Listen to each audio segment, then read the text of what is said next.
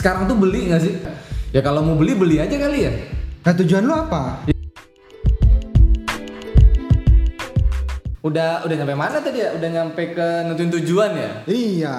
Kalau kita udah nentuin tujuan, berarti tujuannya beraneka ragam ya. Ada tujuannya buat menikah, dana pensiun gitu ya. Iya dari tujuan lu bisa breakdown tuh kan waktunya Hmm. seberapa, lu rencana menikah kapan tuh kan, lu mau nyekolahin anak kapan gitu kan. Hmm, Misalnya lagi ada tujuannya untuk pensiun gitu kan.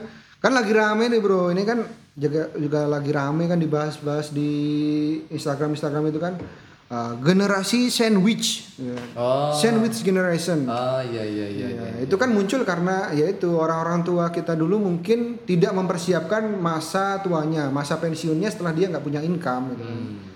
Tapi ya kalau buat yang di kitanya jangan merasa sedih lah ya kalau mengalami itu anggap aja Oh memang ya. ini apa beribadah gitu ya. Tapi Iya, jangan okay. dilanjutin gitu ya. Iya, jangan sampai ya kita putus di kita aja gitu loh bro. Jangan sampai nanti kita eh, ngerepotin anak kita gitu kan. Tujuannya seperti itu sih. Ya karena kemarin kalau nggak salah di, di Twitter apa di mana ya sempat juga tuh yang memperdebatkan gitu. Ah lu berbakti ke orang tua aja kok repot gitu iya, kan. Kan tapi ada- tetap kita harus berbakti bro. Iya. Iya. Jadi sebenarnya mungkin itu tuh tidak bagus, tapi kalau kondisinya kita seperti itu, ya udah anggap kita berbakti ke orang tua ya, tapi jangan dilanjutkan karena itu bukan sebuah legacy ya. iya, ya berbakti kan maksudnya bukan nanti ketika kita tua gitu kan kita nggak hanya menggantungkan ke anak gitu kan ya Hmm, mungkin ya anak mau berbakti ya boleh kan tapi tetap kita udah punya Iya iya iya. eh, iya. uang gitu kan Benar untuk benar hidup benar benar benar benar. jadi tujuannya macam-macam nih bro lu apa menikah gitu kan lu mau nyokolain anak tuh pensiun tuh kan banyak sebenarnya Habis itu ini kan udah punya tujuan berarti kan saatnya kita memilih apa? Memilih instrumen ya. Iya. Kayak, kayak kata lu tadi kan kita apa?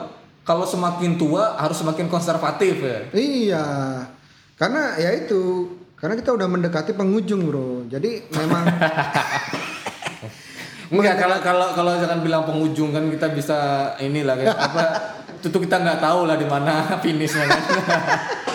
Ya kan namanya kita siap-siap kan bro. Kalau Nabi Muhammad aja kan 63 tahun ya itulah kita jadikan ini kan. Patokan. Jadikan ya. patokan Iya, lah itu kan. Sekarang pensiun di swasta aja 55 itu kan. Ya itu bisa jadi pat- patokan gitu kan. Kalau PNS mungkin 60 tahun kan itu bisa jadi patokan juga gitu kan.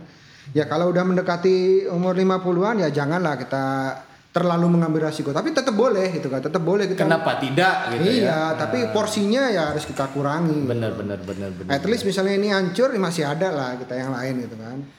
Ya memang kondisinya ketika income dan outcome kita udah balance dan udah surplus itu udah agak enak dikit lah gitu ya. iya, gitu kan. Tapi tetap fokus pertamanya ya tadi balance terus ada free cash flow. Nah, Oke oke oke oke. Iya sih. Ya kalau gitu hmm, kita obrolin emas dulu gimana ya? Eh, emas emas. Menarik. Emas boleh ini lagi hits nih kan. Iya, iya. Naik dari berapa ratus ribu ke sejuta itu kan. Wah, rame itu. Iya iya iya. Kemarin itu kan. Sam- se- sekarang masih sejuta ya? Masih, masih kayaknya. Iya karena memang Ya dekat-dekat sejuta lah, 900 something lah. Oh. Gitu kan. Karena memang menarik sih dulu ya karena gue juga nggak ini ya nggak terlalu mendengarkan kata teman gue. Teman gue pernah bilang tuh dia eh, ini punya toko emas. Hmm. Udah bro lu beli emas kata dia. Nah, gue masih, wih enakan ini nih coba apa coba saham kata gue kan. Terus dia bilang ah gue nggak mau gue udah udah pernah udah udah rugi banyak katanya kan. udah lu beli emas itu sekitar awal tahun kan. Ini bakal naik nih. Wah ya gue sih maksudnya ini kan cukup konservatif. Eh bukan konservatif cukup konvensional kali ya. Maksudnya Cukup takut rugi gitu. iya iya iya iya iya benar benar. Jadi maksudnya apa pun itu ya udah gue coba. Tapi porsinya itu yang kayak gue bilang tadi ini coba sedikit ini coba sedikit ini coba sedikit.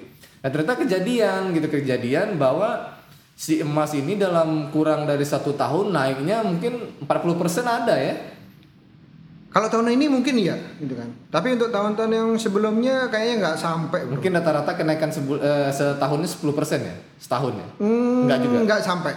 Oh.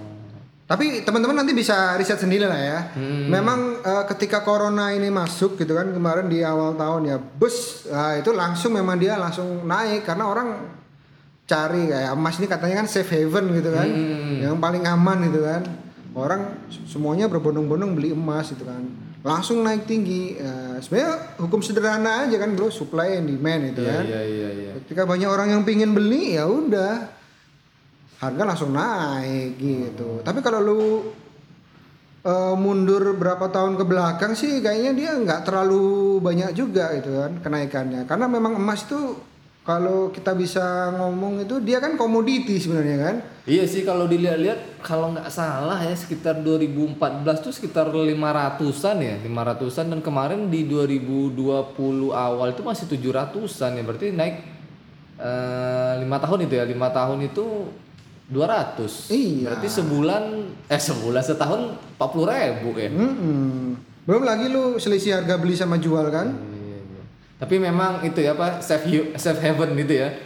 Iya paling aman sih memang ketika kondisi susah gitu kan, ketika kondisi crash gitu kan, orang pada bingung investasi apa-apa itu nggak ada yang ini, orang tetap percayanya ke emas sih bro. Karena dia nggak terdampak soal oleh inflasi ya. Kalau cerita lu tadi, ibaratnya kalau dulu beli nasi padang bisa pakai satu gram emas, sekarang pun pakai satu gram emas masih dapat nasi padang lagi ya, kayak gitu. ya. Iya, tapi semakin ke sini sih gue mikirnya emas itu malah eh, ini ya seperti komoditi gitu kan.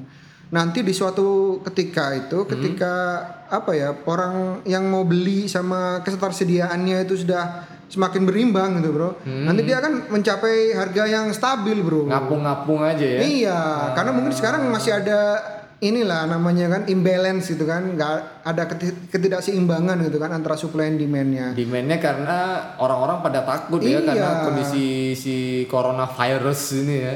Sebenarnya emas itu sama kayak minyak itu kan, sama kayak apalah misalnya batu bara, sama kayak ya komoditi-komoditi yang lain itu loh. Suatu suatu saat nanti dia akan harganya stabil dan ketika itu ya udah kita masa mau investasi di harga yang stabil gitu kan. Karena dia komoditas juga itu sih. Gue mikirnya seperti itu. Tapi haruskah seseorang memiliki emas? Kalau menurut gue sih harus nggak harus. Kalau lu? Hmm, harus karena diversifikasi. Oh iya, tapi eh, tapi nanti lah. ya. Iya. Kalau kalau udah soalnya ada ini juga apa kalau yang orang udah pakar-pakar investasi itu dia nggak diversifikasi dia kalau udah dia udah paten satu satu aja. Iya, dia itu memang risk taker banget berarti bro. Hmm. Dia bisa mengambil resiko itu gitu kan. Tapi ya itu kita bisa tetap punya gitu kan. Tapi itu bukan yang utama kalau menurut gua sih ya. Tapi nanti terserah teman-teman kan profil resikonya kan Oh, berbeda-beda. balik lagi memang si apa risk profil tadi itu ya kita Iya. harus kayak mana sih diri kita gitu Iya. tujuan kita ke mana beli emas nggak ya gitu kan Makanya. at least minim emas itu berarti kalau kita butuhnya lima tahun ke atas kali ya kalau kita ini nabung Bisa, ya? bisa iya. Hmm, Time frame-nya kan udah jelas kan. Makanya tadi turunan pertamanya itu dari- turunan ada integralnya Iya, keren nggak? Iya, iya, iya, ketahuan turunan insinyurnya. pertamanya, ya, turunan pertamanya tujuannya apa dulu? Nah, dari Hmm. tujuan kan kita tahu tuh time frame-nya berapa lama. Nah, Hmm. Baru nanti kita bisa milih-milih nih, ya, misalnya lima tahun itu kan kita nggak mau nih nilainya berkurang gitu kan, boleh lah kita ambil emas gitu kan. Iya sih, tapi kalau untuk di, di- apa untuk diversifikasi tadi itu memang kayaknya menarik kalau kita ada tiga opsi atau berapa opsi harus satunya harus ada emas kayak menarik ya. iya menarik, makanya kita harus tetap harus diversified gitu kan. Dibandingin tanah sama rumah gimana menurut lu? Tanah sama rumah bisa juga itu, tapi sekarang kan lagi, lagi rame juga itu kan. Oh ini tanah sama rumah ini lama-lama jadi kayak komoditi juga gitu kan. Mm-mm. Kadang ada yang naik tinggi gitu kan Iya, di lokasi yang ini. kan Makanya. pembebasan hantol. Nah, kita juga nggak tahu gitu kan. Iya, nah, iya, di suatu iya. saat nanti harganya juga akan stay di satu Hmm. level gitu kan. Tapi untuk diversifikasi masih oke. Tapi tanah itu kan susah kan. Maksudnya susah untuk liquid gitu kan. Menariknya mungkin kos-kosan kali ya. Itu bisa gitu kan. Kita dapat dapat uang bulanan dari anak ngekos gitu kan.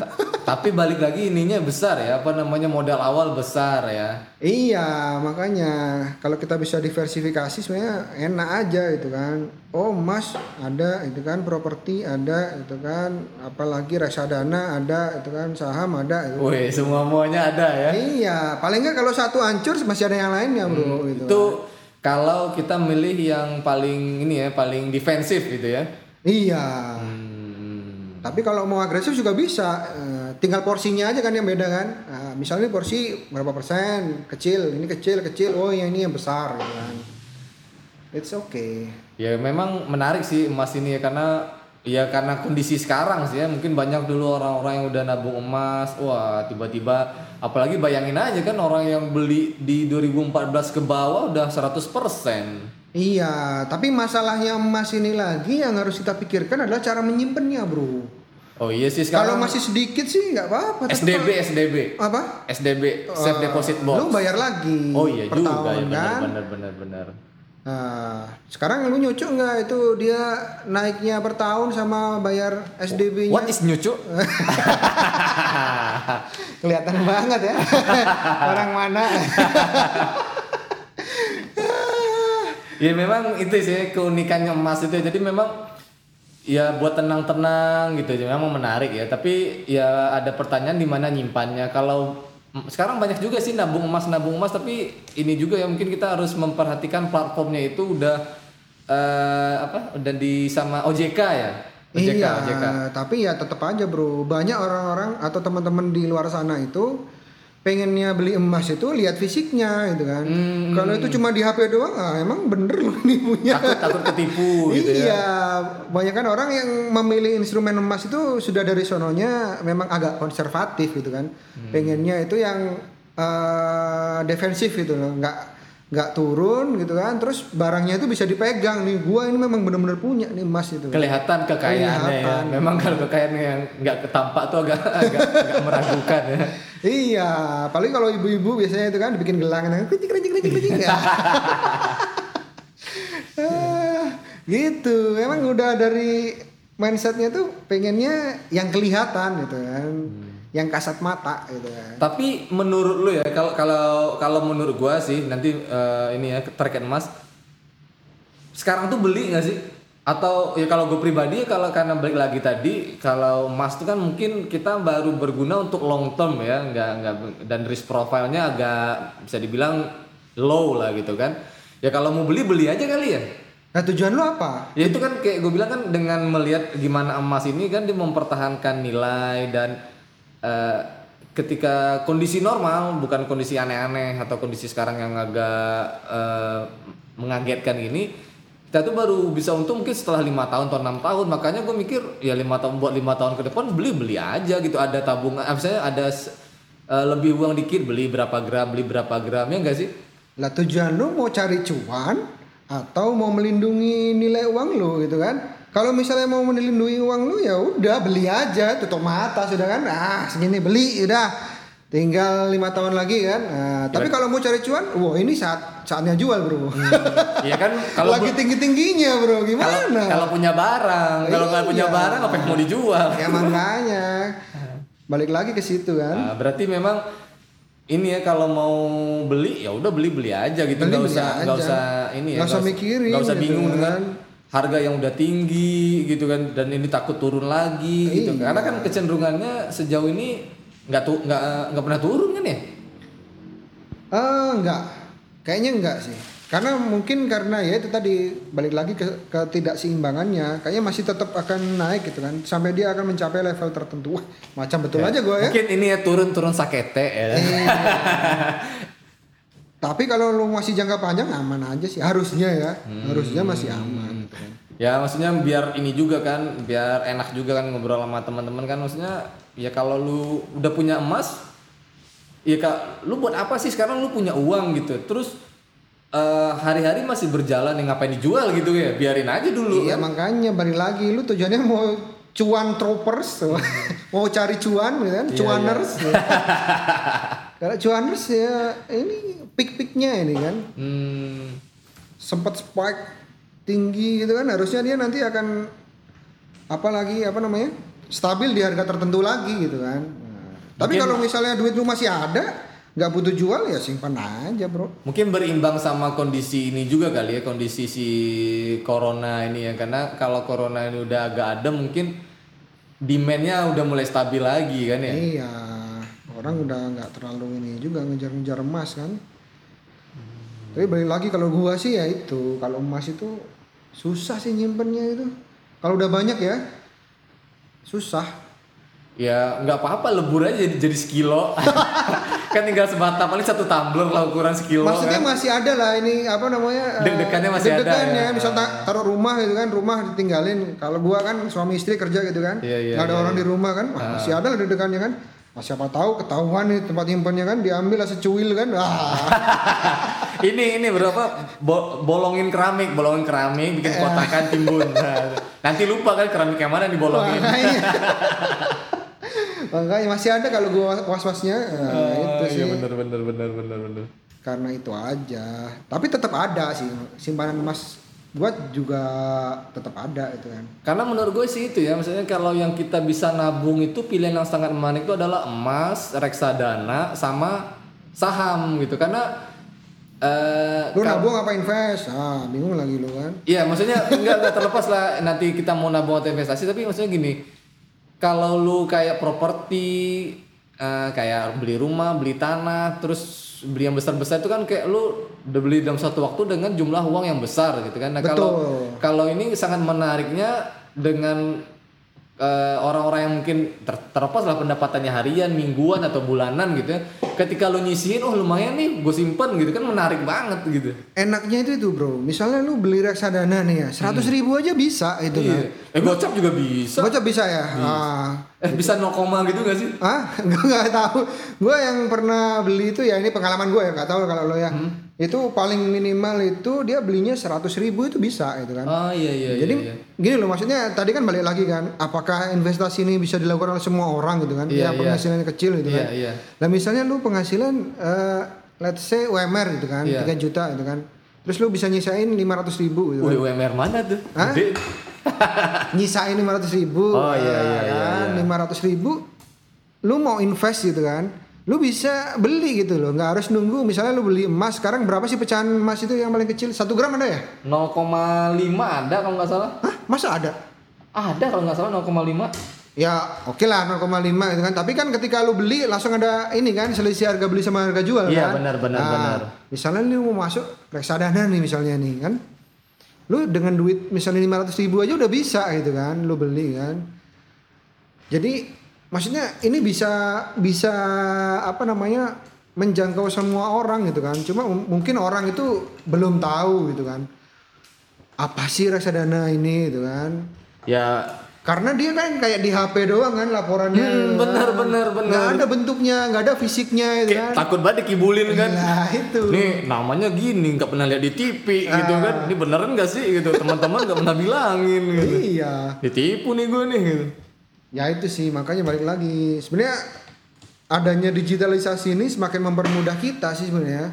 Karena di luar sana malah udah sampai ke kripto, Bro. Pernah dengar nggak lo itu Bitcoin Bitcoin itu? kan? Pernah pernah dengar sih, pernah dengar kayak eh, tapi eh, nggak tahu sih.